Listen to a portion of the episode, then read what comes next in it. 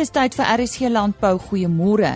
Ons gaan sommer onmiddellik wegskop want ons het 'n lekker vol program. Eers dan die woord Jolandi Rood met die nuutste wolmark verslag.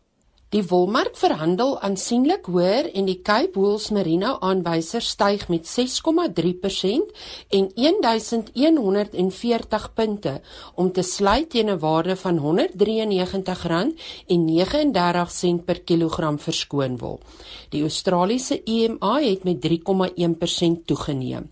Die Cape Wool's alle wol aanwyser verhoog met 6,0%. Die wolmark het vandag besonderse opbrengste aan wolprodusente gelewer as gevolg van gelyke kontribusies van 'n verswakkende rand sowel as die uitstekende vraag na goeie gehalte langwol. Pryse het gestyg oor al die kategorieë en fyner wol tot sterker wol het gebaat. Kopers het vir 'n tweede agtereenvolgende week rekordpryse behaal bo die R200 per kilogram weerstandsvlak. Koperskompetisie was hewig en Mariano slaag daarin om die meeste aantal bale te bekom. Altesaam 98,3% van die 9334 bale wat op die veiling aangebied is, is verkoop. Die grootste kopers op die veiling was Modiano met 2753 bale, Standard Wool SA met 1985 bale, Lempriere SA met 1685 bale en Tianyu SA met 1603 bale. Die gemiddelde skoonwolpryse vir die seleksie binne die verskillende mikron kategorieë goeie langkamwol tipes was soos volg: 18,0 mikron styg met 5,0% en sluit teen R241,31 per kilogram. 18,5 mikron neem toe met 6,1% en sluit teen R229,18 per kilogram. 19 mikron verhoog met 5,5% en sluit teen R212,77 per kilogram. 19,5 mikron versterk met 6,9% en sluit teen R202,99 per kilogram. 20 mikron is 6,9% op en sluit op R191,73 per kilogram. 20,5 mikron is 5,6% sterker en sluit op R180,89 per kilogram. 21,0 mikron styg met 5,4% en sluit op R175,90 per kilogram. 21,5 mikron het 5,6% toegeneem en sluit op R169,83 per kilogram. 22 mikron styg 6,0% en sluit op R166,20 per kilogram. En 22,5 mikron is 3,4% beter en sluit op R158,77 per kilogram. Die volgende veiling vind plaas die 8ste November wanneer plus minus 10000 bale aangebied sal word. Ons sê dankie aan Jolandi Rood met ons wolpryse wat behaal is. Die Wêreld Natuurfonds, bekend as die WWF, is nie net met bewaringsaksies besig nie. Die organisasie beywer om ook om bewustheid te skep oor besoedelingskwessies en faktore wat 'n negatiewe impak om die omgewing of op die omgewing het. Die uitvoerende hoof van die WWF in Suid-Afrika, Dr. Morney Du Plessis, gesels nou met ons hieroor. Nou jy het groot geword op 'n plaas in die Oos-Kaap, Morney. Hoe het dit jou omgewingsbewustheid beïnvloed? Want kyk, enige iemand wat uh, met beesmis tussen sy tone groot word, is iemand wat uh, baie noue koppeling met die met die omgewing het. En uh daar in die Ooskaap het ek uh, op 'n plaas groot geword waar my pa vier seuns uh, gehad het, my pa en ma en ehm um, en en en die op 'n klein plaasie is natuurlik eh, 'n uh, redelike uitdaging uh, en op 'n stadium met my pa die bosbouers laat kom om van die geelheidbome in die klowe te kap om 'n bietjie kontantvloei te te bewerkstellig. En uh jy weet uh, dit vat honderde jare vir geelheidbome om te groei tot op daardie grootte wat hulle kommersieel waardevol is. En uh, ek dink dis iets wat my van kleintyd af bygebly het dat uh jy weet daar is aan die een kant die menslike faktore en die ekonomiese druk wat op die omgewing is en dan word daar van ons natuurlike bates gelikwideer. En 'n mens kan dit nooit regtig terugkry nie en uh, ek het my lewe basies aan natuurbewaring gewy as gevolg van van die impak wat dit op my gehad het en hopelik oor my lewenstyd uh, maak ek goed vir daardie vier of vyf groot geelhoutbome. Nou baie mense dink die WWF werk net met wild, maar dis nie julle storie nie. Vertel ons meer van die soort werk wat uh, julle organisasie aanpak. Ja, kyk, ons is oorspronklik bekend as die World Wildlife Fund wat natuurlik uh, beteken dat daar groot fokus op wild is en en en en veral was. Maar uh, met al die druk wat uh jy weet finansiële stelsels, ekonomiese aktiwiteit, uh voedselproduksie, uh energieproduksie en so voort uh um, op die omgewing veroorsaak beteken dit dat as 'n mens kampie span om uh bedreigde spesies gaan jy op die ou end oorrompel word deur die faktore wat jy van die drywers wat van buite af kom en so WWF uh probeer uh teen die stroom opswem om seker te maak dat ons by die oorsprong van die die oorsake van die agteruitgang van ons omgewing te doen het. Met ander woorde, ons uh, ons het 'n fokus op voedselproduksie, volhoubare waterproduksie en uh, energieskepping. En en en dit beteken natuurlik dan dat ons met finansiële stelsels werk, ons werk met markte om seker te maak dat die bewustheid dwarsteer daardie stelsels bestaan en dat dit ook ekonomiese en sosiale sin maak om na die omgewing te kyk. Waarom is dit belangrik om bewustheid te skep oor die bewaring van hulpbronne dink jy? Kyk, ek dink ons ons is 'n vermorsings uh jy weet daar word ontsaglik baie goed verbruik. As jy net jy weet my, ek kry hier in die stad kry ek mense wat vir my sê hulle het besluit om om vegans te word. Dis mense wat nie diereprodukte eet nie. En uh, dit is as gevolg van omgewingsredes.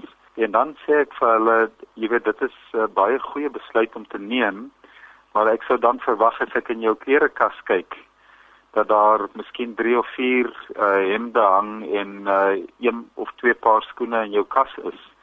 Maar die ding is as 'n mens dink aan die gemiddelde mens in Suid-Afrika wat in stede bly en dit is die middelklas wat ek van praat veral, dan het praat ons van verbruiking op 'n vlak wat wat nie volhoubaar is nie en 'n mens staar dit elke dag in die gesig as jy jou klerekas oopmaak met honderde dinge wat jy nie gereeld aantrek of nodig het nie en ek dink dit is die vermorsingskultuur wat in in in die verbruikerskultuur wat geskep word deur advertensies, deur bemarking en wat nie regtig nodig is nie en definitief nie volhoubaar is nie. Julle het onlangs 'n voedselverslag gepubliseer wat natuurlik baie aandag getrek het.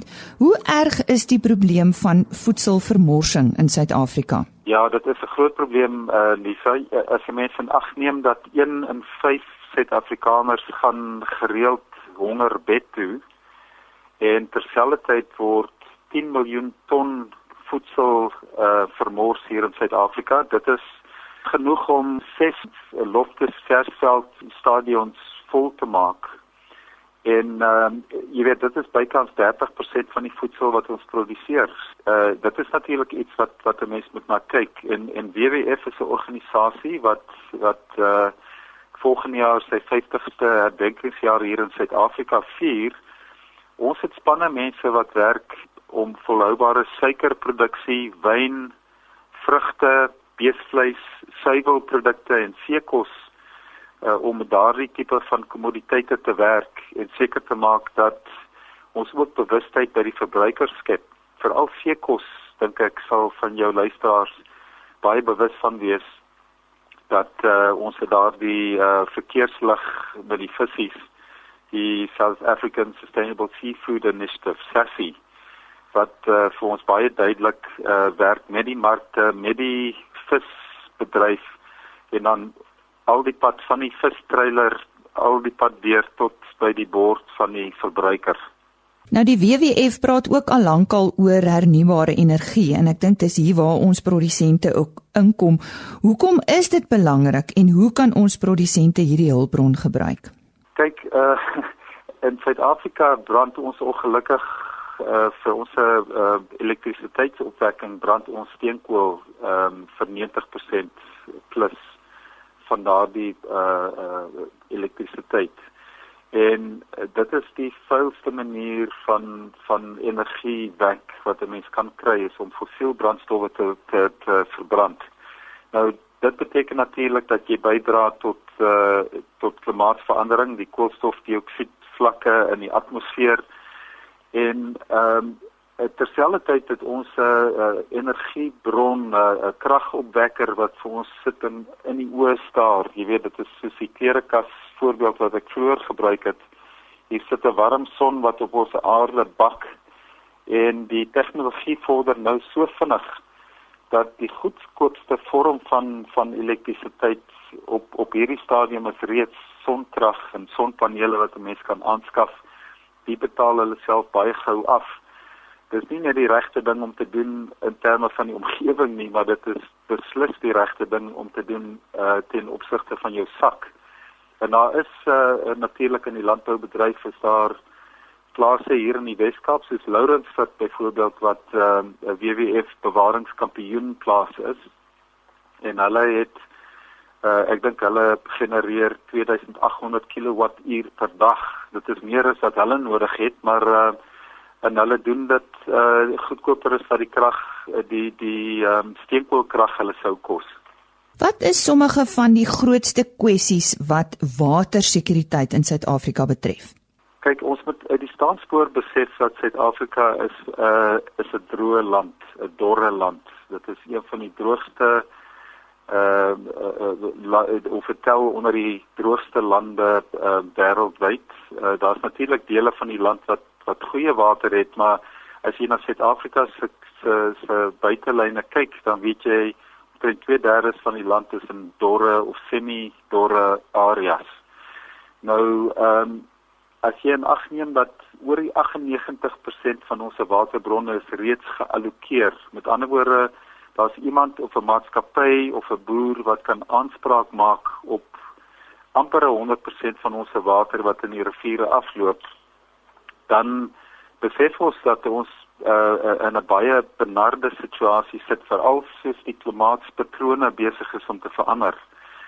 Die verander natuurlik as gevolg van die feit dat ons ehm um, en en dwars oor die wêreld baie koolstofdioksied in die atmosfeer opgesit het. Dit uh, destabiliseer ons klimaatspatrone en in die in die oostelike dele van die land gaan ons al hoe meer intense vloedvoorvalle kry En wat ook voorspel word is dat ons gaan al hoe meer erratiese of uh onvoorspelbare reëns en minder reëns in die westelike dele van die land kry en dis sien ons nou met Kaapstad se uh, in die Weskaap se penarie in terme van van die droogte wat ons nou insukkel.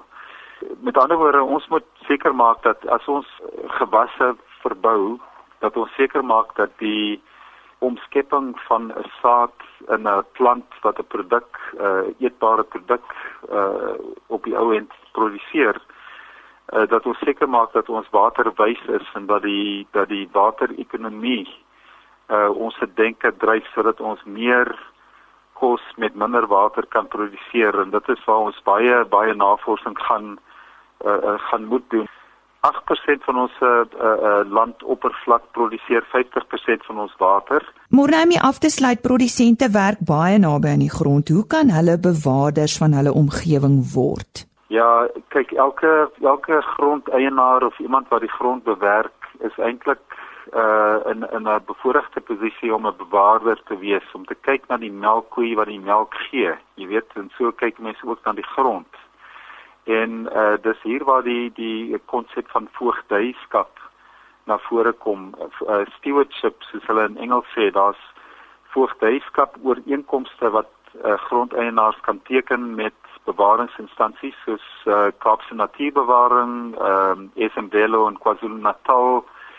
Uh jy weet elkeen van die provinsiale natuur organisasies en dit beteken dat uh, daar kan uh, dan ook leiding gegee word in terme van hoe om bewaringsvriendelike praktyke toe te pas op 'n plaas sonder dat die grondeienaars hulle kommersiële aktiwiteite hoef te stop. So dit is basies bewaringsvriendelike aktiwiteite en terselfdertyd as die boere dit dan uh, navolg en so 'n kontrak het is daar ook belastingvoordele wat daar uitgetrek kan word en dit is iets wat mense uh, kan opvolg met organisasies soos WWF.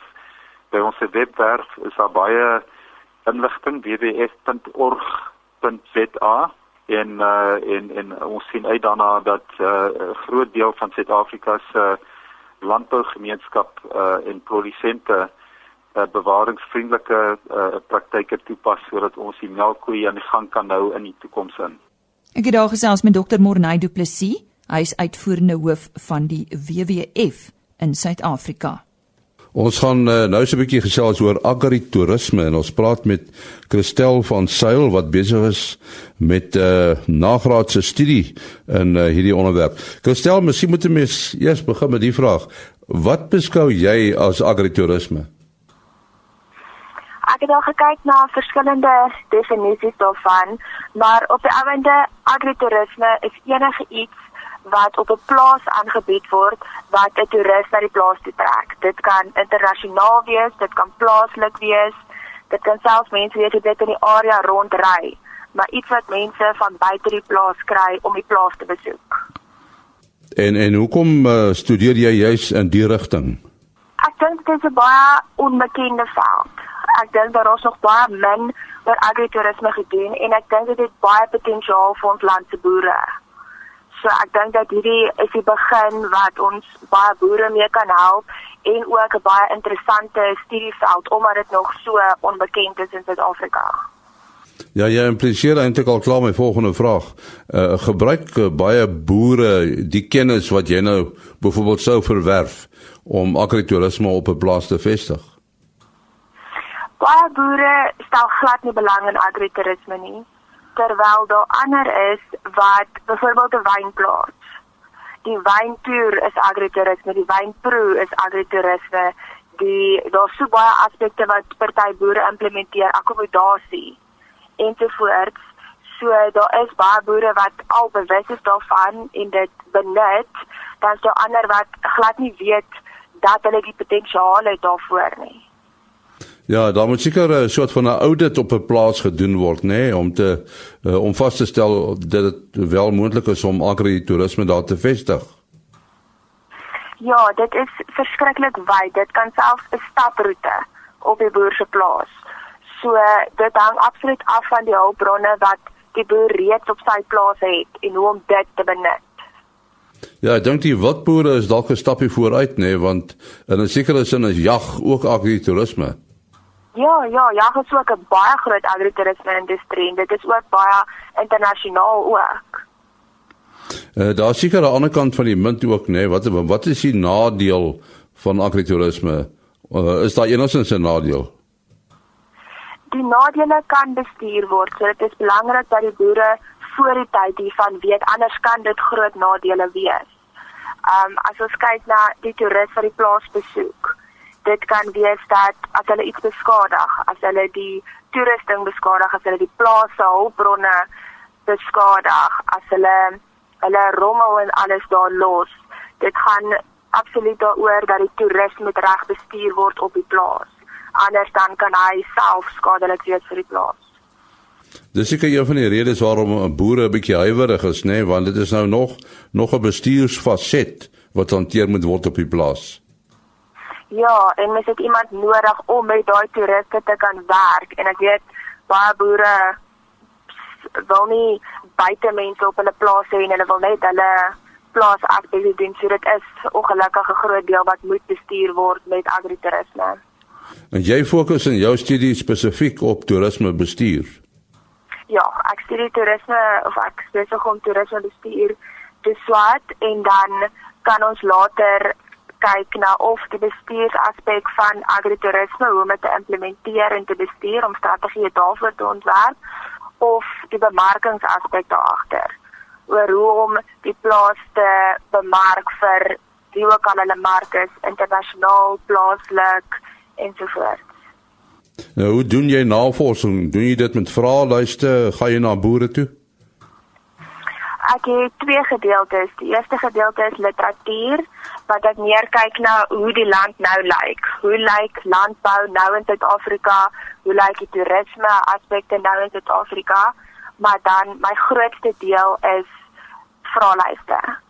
Want op hierdie stadium wil ons bepaal hoe dit lyk in Suid-Afrika. So ek moet na die boere toe gaan en vir hulle die vraelyste gee sodat hulle vir my kan sê wat bied hulle op 'n plaas aan of wat bied hulle nie aan nie nou die gedeelte word provinsiaal gedoen. So uh, ons kyk net na aan watter provinsie is die boer geleë en wat hulle aanbied of nie aanbied nie. Daar is 'n fisiese vraelys wat ons al by 'n paar kongresse gaan uitdeel het en dit is ook aanlyn beskikbaar. So ons probeer maar om aanlyn die mense te kry om net die vraelyste te uh, in in te vul. Kan jy miskien daardie adres gee van die aanlyn vraelyste? Die skakel daarvan is as mens op Facebook gaan, kan mens soek NWU 3. Dit is ons navorsingseenheid. Daarop op hulle bladsy is die skakel. Net weer daai adres? NWU Noordwes Universiteit 3. Christel van Sail wat met 'n interessante studie besig is. Dankie Henny en uh, vir die van julle wat die Agri SA Kongres vanjaar bygewoon het. Christel van Sail het ook daar 'n spreekbeurt gekry en daar reeds met haar navorsing begin. Die landbousektor is nou die een besigheidssektor waar beplanning uiters belangrik is, maar waar die natuur daardie beplanning gou tot niet kan maak. Nou ons gesels ver oggend met Dawie Marie, hy is hoof van inligting en bemarking by FNB Landbou oor die huidige en die toekomstige situasie in die landbousektor. Nou Dawie, ons hoor en sien gereeld in die media dat uh, onder andere die droogte in die Wes-Kaap voortsleep. Hoe sien julle by FNB Landbou die effek van die droogte? Goeiemôre Lise. Ja, die die droogte situasie in die Wes-Kaap en natuurlik dele van die Oos-Kaap en Noord-Kaap uh ook is is regtig vir ons ek ek wil nie sê rede tot tot groot kommer nie, maar dit dit plaas regtig 'n demper op ons op ons land uh se se se landbou groei en natuurlik ook op ons uitvoerverdienste.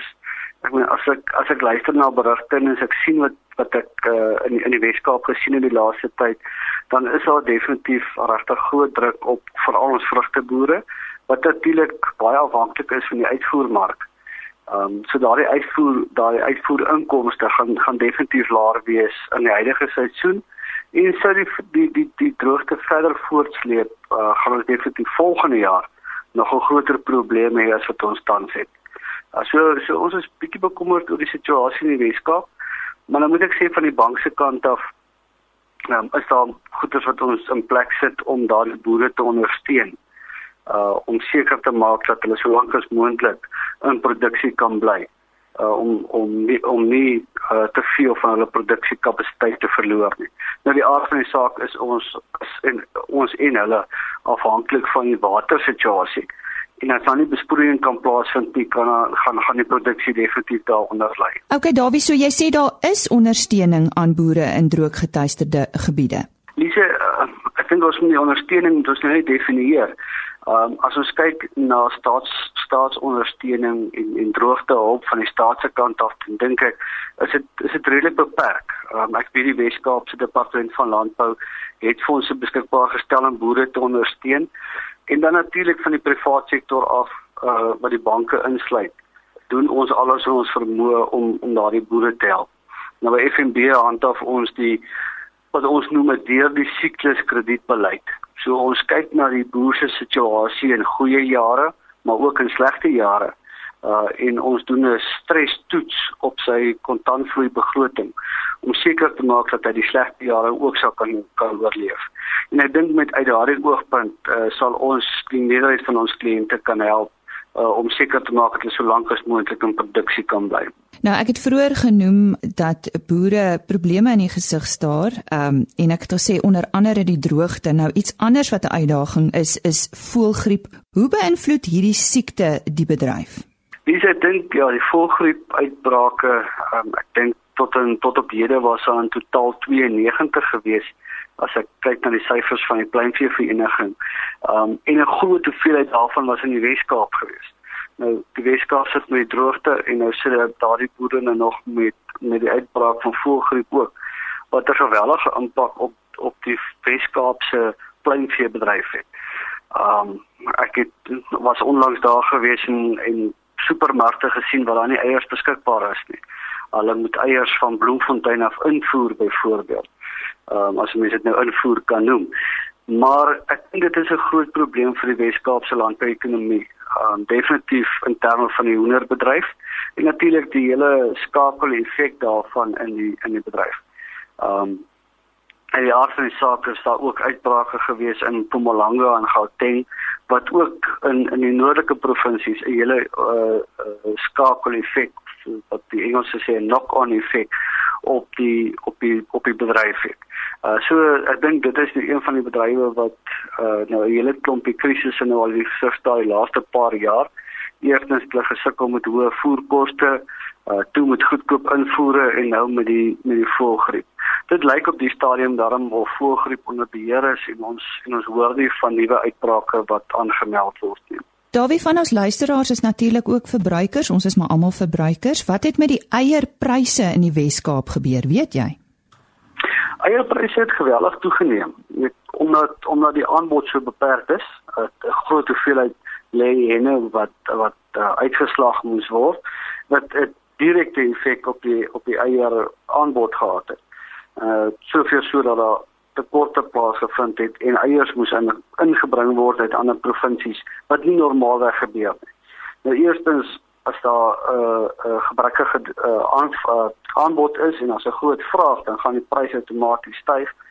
En dan moet ons nou nog as hierdie eiers ingebring word uit ander provinsies moet ons in ag neem dat daardie vervoerkoste is moet tog bygetel word. So eierpryse in die Weskaap het geweldig toegeneem. Hoe lyk die vooruitsigte vir die landbousektor vir die kort en medium termyn? En miskien moet jy net vir ons verduidelik kort en medium termyn, wat beteken dit? Dis ek dink as ons kyk na die kort termyn dan dan praat ons van die volgende 2, 3 maande, uh, wanneer ons kyk en in medium termyn sal sal ons sien dat met na die volgende jaar toe, uh die bal gaan ons dit uh, volgende jaar hierdie tyd wees. Ehm um, ek dink in die algemeen lyk dit baie beter in die in die landboubedryf reg oor die land as ons nou nou landwyd kan praat. Ehm um, ons het gesien dat die intensies om om te plant uh, vir die vir die somergraangebiede is uit. En daar is daar is en ons het almal verwag dat daar bietjie minder mielies aangeplant gaan word as gevolg van die van die hoë oordrag voorraad die rekord oes wat ons nou besig is om om in te kry. Uh, en dan natuurlik weet gaan baie van daardie hektare moontlik skuif na ander produkte soos soos sojabone en sonneblomme. Afhangende van natuurlik wat die wat die reënval gaan gaan gaan gaan doen. So ek dink dit is natuurlik altyd die die bepalende faktor is die klimaatsomstandighede. Dan in die in die vleisbedryf lyk dit ook uh baie baie beter as wat die jaar terug gelyk het. En ek dink selfs uh, op die kort termyn lyk dit goed uh speenkalfpryse en karkaspryse is nog steeds op relatief hoë vlakke en en en dit dit bly redelik stabiel. Ehm um, natuurlik vir die verbruiker is dit nie sulke goeie nuus as ons kyk hier na na Kersfeesperiode toe nie want ons almal braai maar al vleisie oor Kersfees en ons ons wil ons choppie geniet. So ek ek sou verbruikers aanraai om definitief te kyk daarna. Ehm um, met vergelykbare pryse en kyk waar gaan jy die beste prys kry maar moenie dink dat die vleisprys binne die volgende maand of twee aansienlik gaan afkom nie. Uh, nou is dit klompie speenkalvers wat besig is om in die mark in te kom en en, en dit kan dalk bietjie afwaartse terugplaas, maar moenie moenie grootskaalse uh, dalings verwag in die vleisprys nie. Die hoof van inligting en bemarking by FNB Landbou, Dawie Marie. Ons gesels weer môreoggend om 05:30. Totsiens. RSG Landbou is 'n produksie van Plaas Media. Produksieregisseur Henny Maas. Aanbieding Lisa Roberts. En inhoudskoördineerder Jolandi Root.